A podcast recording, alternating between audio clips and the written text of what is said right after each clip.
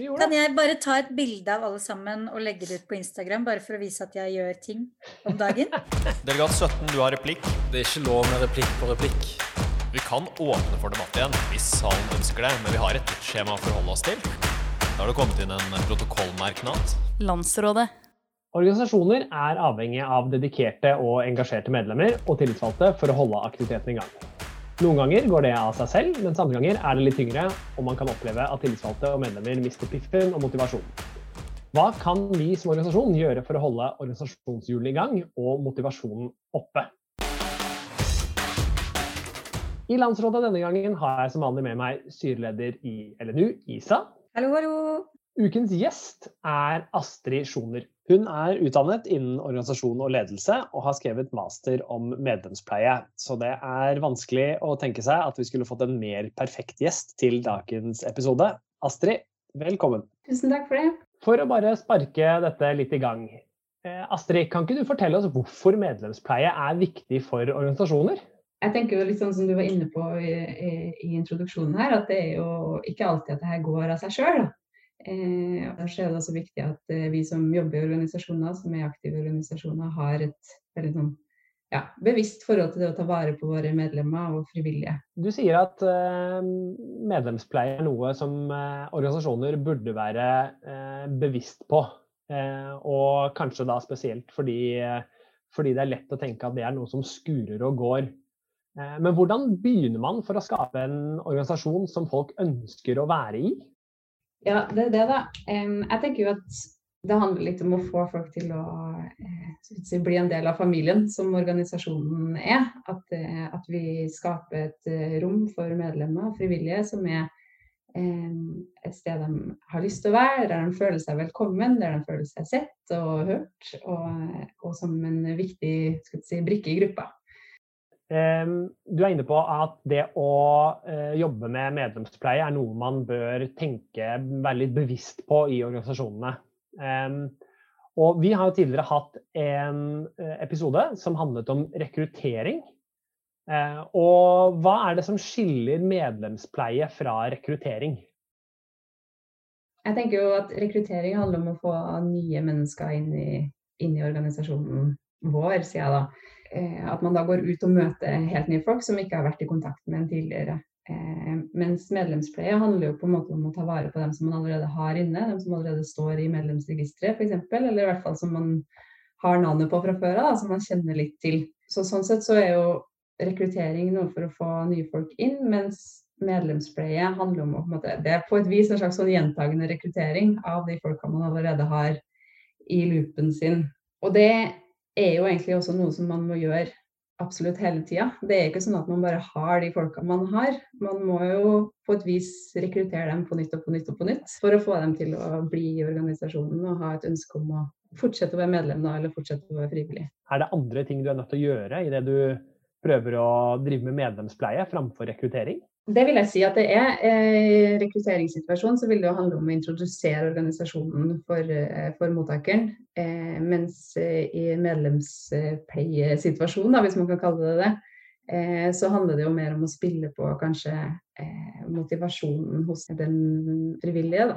Hva slags grunn den personen har til å være eh, i organisasjonen, og på en måte spille opp under eh, den. Så la oss si at en frivillig har en bestemt motivasjon for å være med i din organisasjon. Da. Så handler jo medlemspleie opp mot den personen om å nøre opp under årsakene til at den personen er der. Vi begynner da å nærme oss eh, et spørsmål om hva slags forskjellige typer medlemmer vi har å forholde oss til.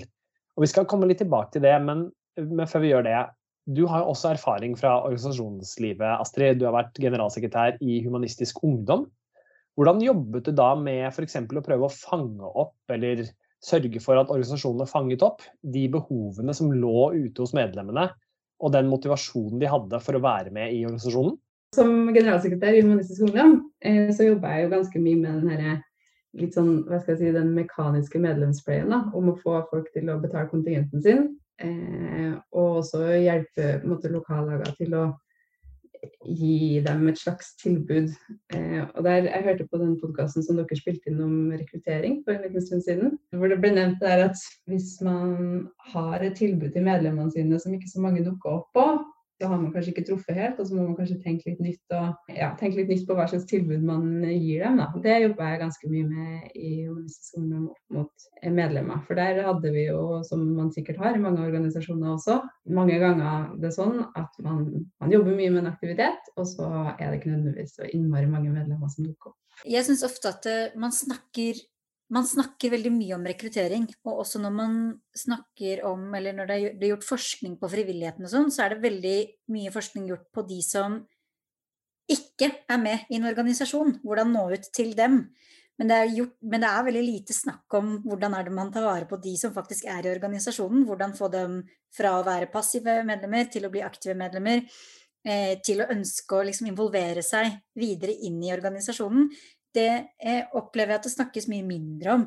Eh, og det er jo noe av det jeg syns er kult da, med masteroppgaven din, Astrid, som jeg har vært så heldig å lest og også bruker ganske mye i kurs. Det er jo nettopp sant, å snakke om det. Hvordan er det vi tar vare på de menneskene eh, som er i organisasjonen vår allerede.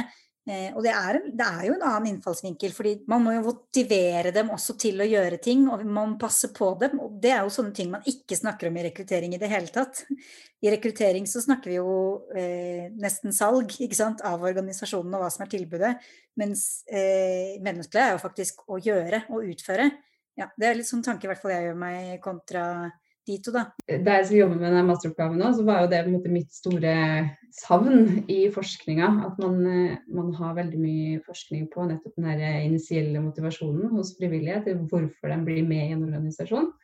Eh, og da snakker man veldig ofte om sånn funksjonell motivasjon. At man kommer inn med en slags sånn idé om at sånn, jeg vil pynte på CV-en min, og så går man inn i organisasjonen, og så føler man at man får pynta på CV-en sin, og så har man på en måte oppnådd si, det, sånn, det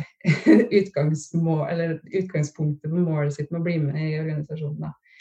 Mens for frivillige som er med, og som har vært med en stund, så blir det jo for hver dag som går stadig mer komplekst. fordi det handler ikke bare om den greia de vil ha ut av organisasjonen, men de, de knytter seg også til den og får mer sånn ja, eh, ja, et mer komplekst forhold til den. Da. Eh, så det er ikke lenger så enkelt som at vi kan på en måte gi dem akkurat det de ønsker, og at det er bare én en enkelt eh, faktor.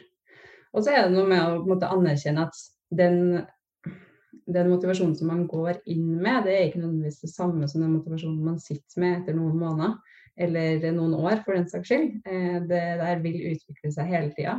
Eh, og ja, hvis jeg kan snakke om organisasjonen som en aktør, da, så har jo den på en måte et ganske sånn viktig oppdrag i det å kjenne til Eh, motivasjonen til, til, sine frivillige. Sånn at man kan møte behovene deres. Jeg er litt opptatt av kynismen i organisasjonslivet òg. Man er gjerne en organisasjon som er laget på ideelt grunnlag, og man vil jo redde verden eller gjøre verden til et bedre sted og sånn.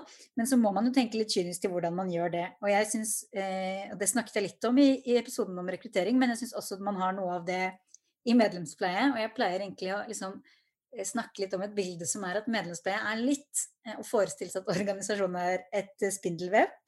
Og at du liksom fanger inn et medlem, og så må du prøve å surre det medlemmet godt inn, sånn at ikke det kommer unna organisasjonen. Fordi de, de, de, det er også En ting er at de vil være der, men det er også litt vanskelig å komme ut av det. fordi at man har venner der, man har nettverket sitt der, man har helt åpenbart utviklingspotensialet, man har kompetansen sin der. Det gjør det vanskeligere å komme ut etter hvert. Og da tror jeg organisasjonen har gjort god medlemspleie da, når de virkelig har liksom spunnet seg rundt i det nettet. Så det er et bilde som jeg liksom noen ganger pleier å tegne opp eh, når jeg snakker om medlemspleie. Da. Vi har vært litt inne på at eh, organisasjonene de må tenke litt gjennom hvordan de driver medlemsoppfølging, og hvordan det skiller seg fra rekruttering og det å få folk inn i organisasjonen. Plutselig skal du tenke på hva er det du kan tilby dem, og hvordan motivasjon har det. Astrid, i oppgaven din har du skrevet om fenomenet kjernefrivillige. Har du lyst til å si litt om hva det er, og hvordan det skiller seg fra andre typer frivillige? Kanskje til og med hvordan man får masse frivillige, kjernefrivillige inn i organisasjonen sin? Altså En kjernefrivillig, sånn som jeg i hvert fall definerte i den oppgaven som jeg skrev, det er kjernen i organisasjonene. Eh, ganske enkelt. Det her er sånn Hvis du eh, nå tenker på din egen organisasjon og ser for deg menneskene i den, eh, så ser du kanskje for deg noen ansikter, og det er på en måte de kjernefrivillige som oftest. da. Det er dem som driver organisasjonens arbeid fremover. Det er dem som alltid stiller opp. De har gjerne lang erfaring og har hatt flere ulike roller i organisasjonen. Og så har de ofte stor arbeidskapasitet og er skikkelig ja-mennesker. Ja Sånn som jeg pleier å tenke på det, så deler jeg gjerne frivillig opp i liksom fire kategorier. Det er ikke, jeg, det er ikke liksom mine tanker, altså det er tatt fra en bok som heter 'Slik leder du frivillig i ulike situasjoner', som vi har snakket om før um, i denne podkasten. Men da deler man gjerne opp liksom, de frivillige i eh, først nysgjerrige, og så lojale, så prosjektledere, og så kjernefrivillige, da, som på en måte den eh, skikkelig harde kjerna, eller grunnfjellet, som også er en referanse til Astrids oppgave. Um, og noe som er fint da med å kunne dele opp de frivillige i disse ulike kategoriene, det er at man også kan se at eh, kompetanse, ansvar, tid og innflytelse skal komme inn eh, etter hvor du på en måte er eh, på den eh, type eh, skala. ikke sant? Så det betyr at når du er helt ny, så kan det godt hende at ikke du skal ha så mye ansvar, og du skal ikke bli pålagt å bruke så mye tid på organisasjonen som f.eks. en prosjektleder eller en kjernefrivillig skal gjøre. og at Eh, det er oppgaver du vil gi til en som er helt ny i organisasjonen, som gjerne på en måte skal få vedkommende til å føle at det, det, arbeidet jeg gjør, betyr noe, jeg har lyst til å fortsette å være der, men som ikke er så tungt at det, eh, man blir helt avskrekket og ikke ønsker å gå og fortsette da, i organisasjonen fordi det blir for tungt. Jeg er veldig enig i det, Isa, og det stemmer veldig mye med det som jeg skrev om også. Eh, men så tenker jeg likevel at det er et veldig stort poeng at man skal eh, bli kjent med dem som er nye òg. For sånn jevnt over så kan man jo kanskje si at en ny frivillig ikke skal ha så mye ansvar eller så store oppgaver som en som er mer erfaren, men samtidig så er det veldig store individuelle forskjeller her. Eh, og folk kommer jo inn i organisasjonen med ulik motivasjon. Så sånn, hvis man kommer inn for å endre verden, så blir kanskje på en måte vaffelsteking litt for lite igjen. eh, og det handler jo om å måte, ja, se de behovene som hver enkelt Eh, har. Men eh, du står jo typisk som leder eller ledelse i en organisasjon, da, så står du gjerne i et visst sånn dilemma. Det er jo hva slags type arrangementer, oppgaver, hvilke ting er det du skal prioritere foran noe annet. Og eh, som organisasjon skal man, eller bør man prioritere eh, Hvis man står i det, da, bør man prioritere kjernefrivillige, eller bør man prioritere nye medlemmer? når man skal gjøre vurderinger av, av hva, man, hva, man, skal prioritere? Jeg tenker, Hvis du må velge, så tenker jeg at du skal prioritere den som er ny og som har potensial til å komme inn i det som vi kaller grunnfjellet i organisasjonen. Eh, for dem som er kjernefrivillig allerede, dem har en, en såpass stor eh, lojalitet til eh, det vi driver med, at de vil på et vis være der uansett. Så kanskje det viktigste man gjør i ledelsen av dem, er å begrense dem litt, sånn at de ikke brenner seg ut. Sånn. Ja, og så tenker jeg faktisk at jeg er litt uenig med premisset der. Fordi at eh, det å ta vare på nye medlemmer kan du også gjøre ved å ta vare på dine kjernefrivillige. ikke sant? Fordi at du kan bruke deres kompetanse til å ta vare på de nye medlemmene også. Så det er ikke nødvendigvis et motsetningsforhold, da. Snarere tvert imot så ville jeg tenkt at eh, her er det ikke om å gjøre å prioritere opp eller ned noe. Det er om å gjøre å tenke lurt på de ressursene du har. Og det er også å bruke de kjernefrivillige til å ta vare på nye medlemmer. Hva tenker du man skulle gjort i så fall? Jeg tenker f.eks. Eh, noe som er ganske vanlig, er jo at det er eh, noen i sentralstyret da, som har ansvar f.eks. for, for eh, rekruttering eller for arrangementer eller ikke sant, eh, sånne type ting. Og inn i det arbeidet så, går, så, er det også medlemspleie. Jeg pleier å si at for de nysgjerrige medlemmene, de som akkurat har kommet inn, de som kanskje ikke kaller organisasjonen eh, vi ennå, men er fortsatt på det nivået som er dere, ikke sant. Hva er det dere gjør? Hvordan, dere, hvordan, skal, vi, eh, hvordan skal dere gjøre dette, istedenfor hvordan skal vi gjøre dette? For de menneskene så kan det f.eks. være kjempelurt at noen har med dem ut for nettopp å drive med rekruttering og verving. For det er en oppgave som er ganske tidsbestemt. Du kan gjøre det kanskje et par timer, ikke sant? gå ut, og så blir de vant til å snakke om organisasjonen og få kanskje litt mer eierskap til det. Men for å gjøre det, så må du ha en, en som kjenner organisasjonen litt bedre, som kan på en måte være med i den rekrutteringsgjengen og komme ut der og, og snakke med folk. Da. Så eh, det er et eksempel på at du har eh, noen som er aktive, som kan gjøre en aktivitet som er en lederaktivitet, som tar ansvar for de nye medlemmene, som går ut og rekrutterer mer, f.eks. Jeg er veldig enig i det. og eh, For de som har vært med lenge, så handler det om å måte, få litt nye utfordringer og litt nye oppgaver. Eh, og det å tenke litt i den gata der, at man måte anerkjenne den kompetansen og erfaringa de har, ved å gi dem et nytt ansvar som er bitte litt utafor komfortsona deres, eller utafor noe de har gjort før, eh, er en måte å slå to fluer i en smekk. Da. Da jeg skrev oppgaven min, så skrev jeg om fire punkter man på en måte kan oppfylle for å skape nye kjernefrivillige. Eh, og et av dem handler om å få folk til å ja, rett og slett føle seg velkommen i organisasjonen da, ved å oppmuntre dem og følge dem opp i begynnelsen. Eh, og det er en sånn typisk oppgave som en erfaren frivillig kan få. Hos en av de organisasjonene som jeg snakka med i arbeidet med oppgaven nå, så hadde de i enkelte lokallag en sånn ganske sånn godt etablert slags sånn fadderordning, hvor nye frivillige eh, fikk en fast fadder som fulgte dem opp hele det første året de var med i lokallaget. Det tror jeg er en veldig god idé, eh, som jeg tror ganske mange kunne hatt godt av å, eh, å bli inspirert av. For noe av det jeg eh, i min liksom, organisasjonserfaring har syntes har vært noe av det vanskeligste, det er eh, dels å gi liksom, å ha noe tilbud som passer til mange nok. Eh, men det å kunne gi En del har lyst til å bare være medlem, og så har du en del som ikke er sikker på om de har lyst til å bli medlem, eller har lyst til å engasjere seg mer. Um, og så har du de som vet at de har lyst til å engasjere seg mer. Og det å ha noe som kan passe til de forskjellige, er utrolig vanskelig som leder å sitte og vurdere hele tiden. Mens hvis du har spredt det ansvaret, og folk har litt bedre liksom, oversikt over de de skal følge opp, så er det plutselig veldig mye lettere å vite om man trenger eh, Trenger man egentlig nå en litt sånn tyngre arbeidsgruppe, for vi har veldig mange som har lyst til å gjøre veldig mye veldig fort.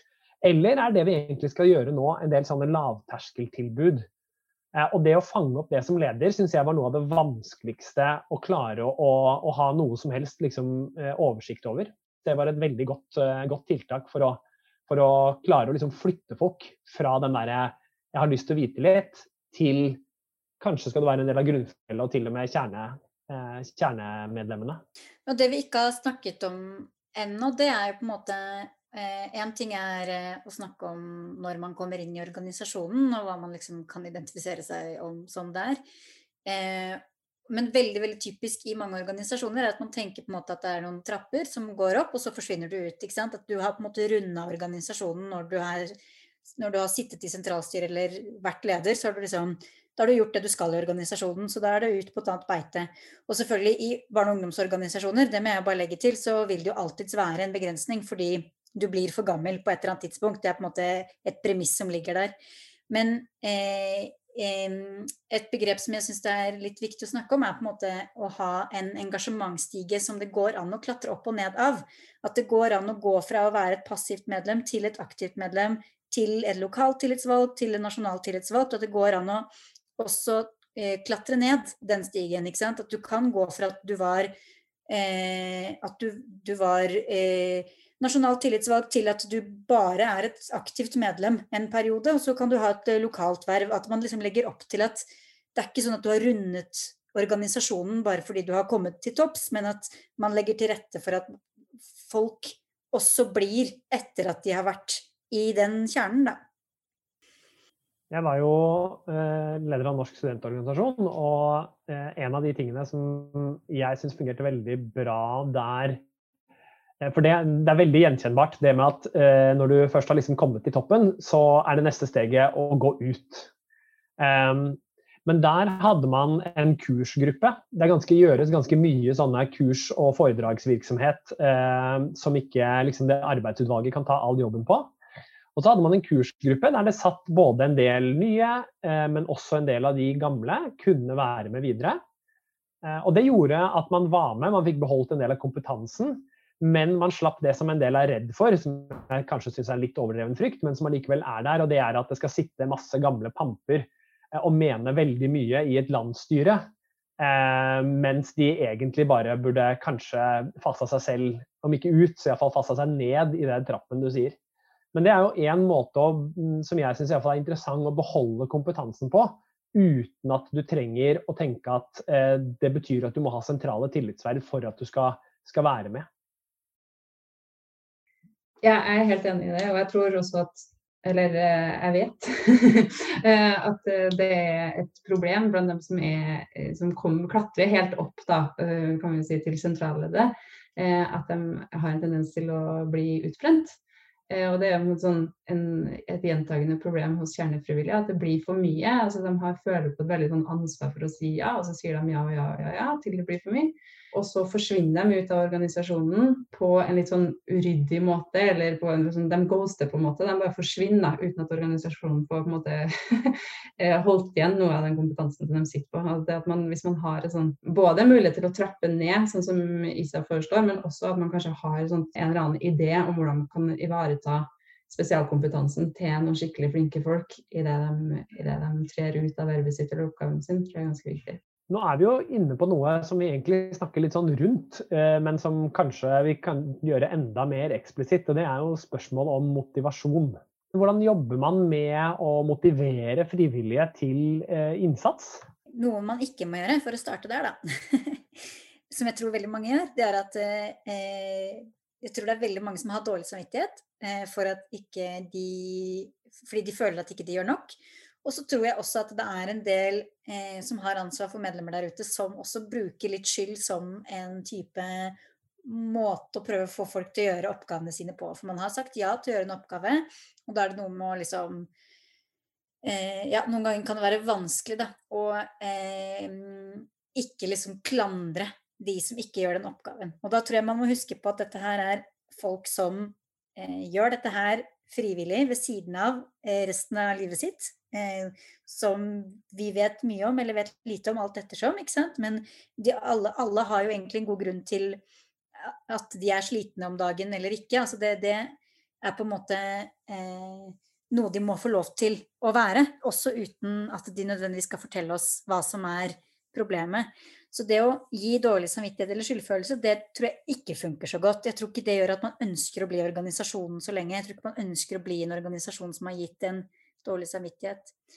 Men det man må gjøre, og i større grad enn jeg tror kanskje man tenker på, det er å gi skryt og anerkjennelse for de oppgavene man faktisk gjør. Selv om det er oppgaver som man tenker at er en selvfølge at skal gjøres, så må de ses, og de må anerkjennes at de er blitt gjort. Jeg tror du er inne på noe viktig der, og det tror jeg, her, eh, tror jeg kanskje ganske mange kjenner igjen sånn uh, i små lokallag. Og så er det noen som på loddtrekning har blitt økonomiansvarlig i dette lokallaget. Eh, og så, som du sier, det er jo på en måte det er lite prestisje i det å være det. Men det er allikevel noe av det viktigste som skjer i det lokale, er at økonomien er på stell. Så det å faktisk anerkjenne det, tror jeg er, tror jeg er viktig. Eh, ikke fordi jeg tror du får alle til å stille opp allikevel, men det er noe med å føle at innsatsen faktisk betyr noe for, for flere. Da. Ja, helt klart. Og også at man har en type anerkjennelse som er personlig og velbegrunna. Eh, for det man ofte gjør, er jo at man anerkjenner frivillig innsats i plenum, på en måte. Klapper for en, et crew eller en gjeng som har gjort et eller annet sammen. Eh, og det er hyggelig, på en måte, men det treffer jo ikke den økonomiansvarlige som har sittet til eh, klokka halv tolv kvelden før eh, rapporteringsfristen. på en måte.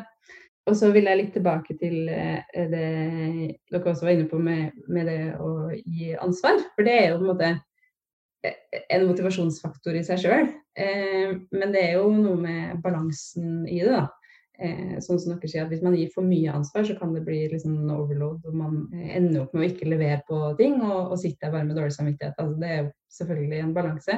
Men samtidig så er det ingen som føler ansvar uten å ha det, eller å få det. Og jeg tror at det er en sånn classic greie at man sitter som kanskje særlig i små organisasjoner eller i lokallag, sitter som lokallagsleder f.eks. Føler på kjempemasse ansvar, men klarer ikke helt å måte, gi det videre til noen. Eh, og så sitter man samtidig og blir ganske frustrert over at eh, i gåsehudene ingen andre gjør noen ting. Men så er det noe med at man måte, må klare å slippe det litt for å motivere de folkene man har rundt seg. Her tror jeg det er en ting som flere kanskje kunne altså, tenkt, tenkt nøyere igjennom i, der, i, den tanken om sånn ansvar og fordeling og sånne ting. Så det ene som du peker på, ganske mange flere kunne delegert ganske mye mer oppgaver, og heller tålt litt mindre på en måte sånn at det ble akkurat sånn som du planla det. Men så tror jeg også en ting som jeg tror man skal være litt forsiktig med, er det å um, gi helt mye med veldig mye engasjement. Veldig mye ansvar. Uh, for jeg tror det er lett å tenke at når man har fått inn noen nye som har veldig lyst til å få til noe, og så pøser man på med ansvar, fordi de virker som om de har veldig lyst til å gjøre noe. Og det stemmer jo som regel. Men det man gjerne ikke er klar over når man er helt ny, er hva man skal gjøre, hvor mye som følger med, eh, og hvor mye man faktisk har kapasitet til å følge opp. Eh, så jeg tror mange kan også gjøre lurt i å liksom eh, kanalisere det engasjementet på en, på en moderat måte, for å si det diplomatisk. Prøv å ikke gi folk alt det de vil av ansvar med en gang heller bygge opp det engasjementet eh, framfor å gi folk som eh, har veldig lyst til å gjøre noe, veldig mye med en gang.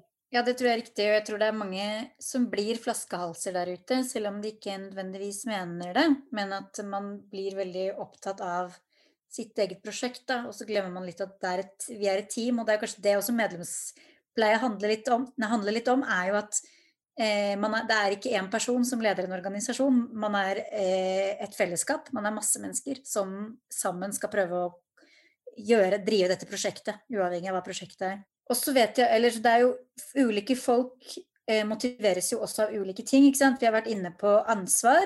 Vi har vært inne på det å anerkjenne de oppgavene som blir gjort. Men så er det også noen som blir kjempemotivert av å se konkrete resultater. ikke sant? Eh, så det å være flink til å på en måte eh, vise fram eller se, se, noe håndfast, eller se at noe liksom kommer til, at sånne type oppgaver kan i seg selv være motiverende. Og så er det eierskap. Eierskap til prosjektet, eierskap til oppgavene, eierskap til til vervet sitt. Det tror jeg også er ganske viktig eh, å tenke på når man prøver å motivere folk. Da. At de skal få eierskap til det selv, de skal få lov til å utvikle det selv. Jeg syns det var veldig god eh, oppsummering i seg, men det er også en ting som vi ikke har vært inne på i det hele tatt, og det er sosiale bånd. Det er en viktig motivasjon for veldig mange, og kanskje særlig hvis man har vært frivillig en stund. Da. Når organisasjonen og dens oppgaver ikke lenger er det som er på en måte aller viktigst, eh, så blir det sosiale mer og mer viktig for frivillige etter hvert som tida går. Og det kan man jo også som organisasjon på en måte legge til rette for. Man kan ikke tvinge folk til å bli venner, men man kan, man kan være ganske tydelig på forventningene sine om at eh, her hos oss så blir folk gode venner. Eh, og vi ønsker at dere møtes både eh, i regi av organisasjonen og, og utenfor. Til og med generalsekretæren i AUF sa jo det da dere hadde han som gjest, at, det, at han hadde ikke trivdes på sommerleir hvis det var bare det faglige. på en måte. Det, det sosiale har innmari mye å si for folk. Ja, og det, jeg syns det er litt interessant at vi tok opp det som et veldig sånn tydelig tema når det kom til rekruttering. Eh, og så tok det oss litt tid å komme dit når vi snakker om medlemspleie. Fordi det er jo, som du sier, de aller fleste blir i en organisasjon fordi de trives med folka som er der. De vil selvfølgelig få til noe, men som du sier, altså, du må jo legge opp til at folk faktisk trives med de, de man er sammen med. Og jeg tror kanskje det er litt talende at man tenker på det med de helt nyeste. Og så er det sånn, de som er liksom kjernen, de kjenner alle, sånn at det er helt, de er ikke noe stort problem. Så tror jeg du har et sånn mellomsjikt der som man ikke tenker så ofte på, som man også skal være litt oppmerksom på. At det å knytte liksom de der sosiale båndene der kan være ekstra viktig for å vippe dem over i å bli ekstra engasjerte i organisasjonen. Siden vi snakker om sosiale relasjoner, eh, og det absolutt ikke finnes noen av dem for tiden, så tenker jeg at vi kommer ikke helt utenom å snakke om korona. Vi vet jo ikke hvordan det har påvirket organisasjonene i den unge frivilligheten, men vi vet at flere av dem peker på både eh, dårligere rekruttering og potensielt medlemsfall i organisasjonene. Og de er bekymra for hvordan det kommer til å gå i 2021. Har dere noen tanker om hvordan organisasjonene kan jobbe med medlemspleie i en sånn ganske ganske sånn unntakstilstand i organisasjonslivet? Først så vil jeg si at uh, her er det jo ingen som egentlig vet noe som helst. ikke sant? For det er ikke gjort noe forskning på hvordan man tar vare på frivillige i koronatiden. Så vi må på en måte bare basere oss på antagelser. Og kanskje litt sånn, i hvert fall i LNU, så får vi jo en del tilbakemeldinger fra mange organisasjoner, da, både på hva som går dårlig, men også hva de får til som er bra. Og jeg tror, eh, for å ta liksom det litt negative først, så tenker jeg at det, eh, det å faktisk ta beslutninger ved å avlyse, nedskalere, eh, det tror jeg er veldig sunt. At man ikke bare venter og venter og venter på å se hva som skjer, men at man bare ender på en konklusjon og, og følger det. Jeg vet f.eks. at Bygdeungdomslaget de har avlyst landsstevne nå for 2022, nei, for 2021. Og det er jo veldig synd, eh, selvfølgelig, for det er jo et innmari kult arrangement. Men det er noe med at da jobber de ikke masse mot noe som er helt usikkert. Eh, og det tror jeg faktisk også letter litt på en byrde. Og så tror jeg, og da er vi inne på det, dette med prioriteringer. Det å gi seg selv lov til å prioritere ned, det kommer ikke til å være sånn at man greier å følge den arbeidsplanen man har satt til punkt og prikke når det er korona. Og da må det være lov til å se gjennom den og si sånn Dette her, dette kan vi ikke prioritere. Eh, vi kan ikke bruke eh, de få ressursene eh, vi har på det. De blir ikke noe motivert av det. Skråstrek. Det er ikke mulig å få det til. Um, og at det må gå an å på en måte, eh, om ikke prioritere det fullstendig bort og bruke mindre kapasitet på, noe, eh, på, på det, stille spørsmål hvor enkelt kan vi løse dette, istedenfor å gjøre det veldig bra, da, sånn som man har tenkt tidligere. Og så tror jeg at det er sunt å gi eksplisitt beskjed til folka sine om at vi, for, vi forventer mindre. At vi ikke forventer Eh, at man skal jobbe like hardt, gjøre like mye som man ville gjort i et eh, normalår. Og gi deg selv også den beskjeden at eh, ikke ha dårlig samvittighet for at ikke jeg får til alt som jeg egentlig skulle ønske. Da. Så det er liksom på en måte det negative, liksom redusere dårlig samvittighet. Og så er det jo det å prøve å få boost, da, få motivasjon. Jeg tror det er enda viktigere nå enn ellers å føle at man blir sett. Så det å sende en melding, det å ta en telefonsamtale, det å skrive på veggen til noen, jeg vet ikke om man gjør det lenger, eh, eller hva, hva, det nå er. ikke sant? Noe med, eh, noe med, å bli sett, noe med å bli anerkjent. Det tror jeg er enda viktigere nå enn ellers. Det å ha det gøy med nedskalerte prosjekter. Kanskje det ikke blir et eh, stort nasjonalt stevne, kanskje det blir regionale. Det kan også være en positiv opplevelse. Og så tror jeg at vi har et potensial i postvesenet, faktisk. Jeg tror at det, det, går an å sende hverandre ting. Det går an å bruke altså Nå er det juletider, da, det kommer det ikke til å være hver gang noen hører på denne episoden. Men å kjøre Secret Santa, kjøre morgenleveringer, kjøre sånne ting som man faktisk får i posten, som er et uh, håndfast påminnelse om at uh, hei, den organisasjonen her fins, og vi setter pris på deg, det tror jeg er kjempelurt. da. Ja, Det siste var et veldig godt tips. Jeg kom til å tenke på at jeg fortsatt har en kort liggende med, med folk som har tatt seg tid til å skrive på papp og papir hvor, hvor ok innsats de syntes jeg hadde gjort. Det, det sitter litt lenger enn digitale spor. Um, og så tenkte jeg også til det du sa om å redusere dårlig samvittighet, at man også kan bli, være ganske tydelig på etter hvert og anerkjenne at det begynner å bli tungt på en måte for alle og enhver, og det er helt greit. Eh, sånn at man ikke føler seg så innmari alene med den følelsen, for den tror jeg det er ganske mange som har. Og så har jeg også tenkt på at det finnes jo det finnes noen ting som vi kanskje kan på en måte eh, gjøre om ikke bedre, så på en litt annen måte enn vi hadde mulighet til da vi bare kunne møtes hvor som helst når som helst, så tett eh, som vi bare ville. Det går på at eh, altså, For det første så kan vi jo bruke denne mm, på en måte tenkepausen til å tenke litt nytt om mange aktiviteter som vi har tatt liksom, for gitt at vi skal drive på med i en frivillig organisasjon. Så hvis ikke vi har så godt oppmøte på pizzakveldene våre, vel, så er det kanskje ikke det våre medlemmer ønsker seg av det mest. da. Og kan vi på en måte sitte litt på hver vår tue nå og, og tenke ut litt nye typer tilbud. Det andre jeg har tenkt på, er at vi når vi skal pleie frivillige i organisasjoner, eller uh, når vi skal gi folk oppgaver som uh, på en måte passer til dem, så sitter vi med en haug med oppgaver som vi ønsker at skal bli gjort, og så er det ofte de litt sånne ekstroverte oppgavene som vi, som vi tillegger mest verdi. da. Eh, og det er jo ikke nødvendigvis sånn at alle de folka vi har ønsker seg dem. Men nå sitter vi plutselig med en haug med oppgaver som mange av oss ikke aner hvordan vi skal løse. Det finnes f.eks. en del sånn altså Hvis vi skal sette opp et digitalt tilbud, f.eks. Jeg ville ikke ant hvordan jeg skulle ha satt opp en, en digital debatt, f.eks. Men, men, kanskje har jeg noen i min organisasjon som, som, ønsker å finne ut av det, eller som kan det kjempegodt. Og sånn type, altså sånn spille på kompetanse som vi ikke har vært så flinke til, eller hatt mulighet til å spille på tidligere. Og så er det også det at eh, det å lære ting, det er en motivasjon i seg sjøl for frivillige.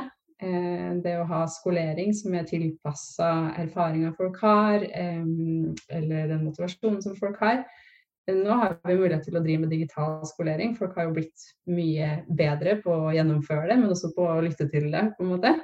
Og vi kan, ha, vi kan skalere det opp og skolere mange flere på en gang uten at det koster så innmari mye. Vi kan også skalere det ned å måte, og ha mer sånn lavterskel skoleringstilbud da, for mindre grupper frivillige, som er skreddersydd for akkurat dem. Syns jeg var en eh, passende mm, avslutning. Både noe, noe på en måte en sånn husk å ned, nedjustere ambisjonsnivået, men også bruke anledningen til å tenke litt nytt. Og jeg tror det er lurt å både tenke nytt, men også akseptere at det ikke trenger å bli den største suksessen man har hatt for at det skal være en suksess.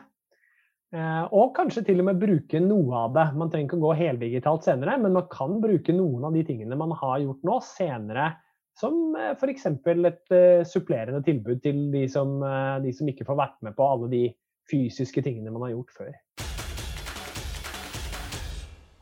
Tusen takk, Astrid, for at du tok deg tid til å komme til oss. Det har vi satt stor pris på og har lært masse av deg. Hvis dere ønsker å lære mer om dette, så holder vi kurs om medlemspleie i LNU. Både generelt om medlemspleie og medlemspleie i koronatid. Vi starter også opp med en ny runde med nettverk for daglig leder og nettverk for ledere og nestledere, hvis man er interessert i å få diskutert med andre for å få ledererfaring. Mer informasjon om kurs og nettverkene våre kan du finne på lnu.no. Har dere innspill til podkasten, temaer dere gjerne vil høre mer om, forslag til gjester, så kan det sendes til landsradet at lnu.no. Takk til Landsrådets faste medprogramleder Isa Marline Isne. Sverre Øygarden Eikel og Kristin Juel Bergfløtt, som har stått for regi og produksjon. Jeg heter Kim Kantajev og sier med det takk for denne gang.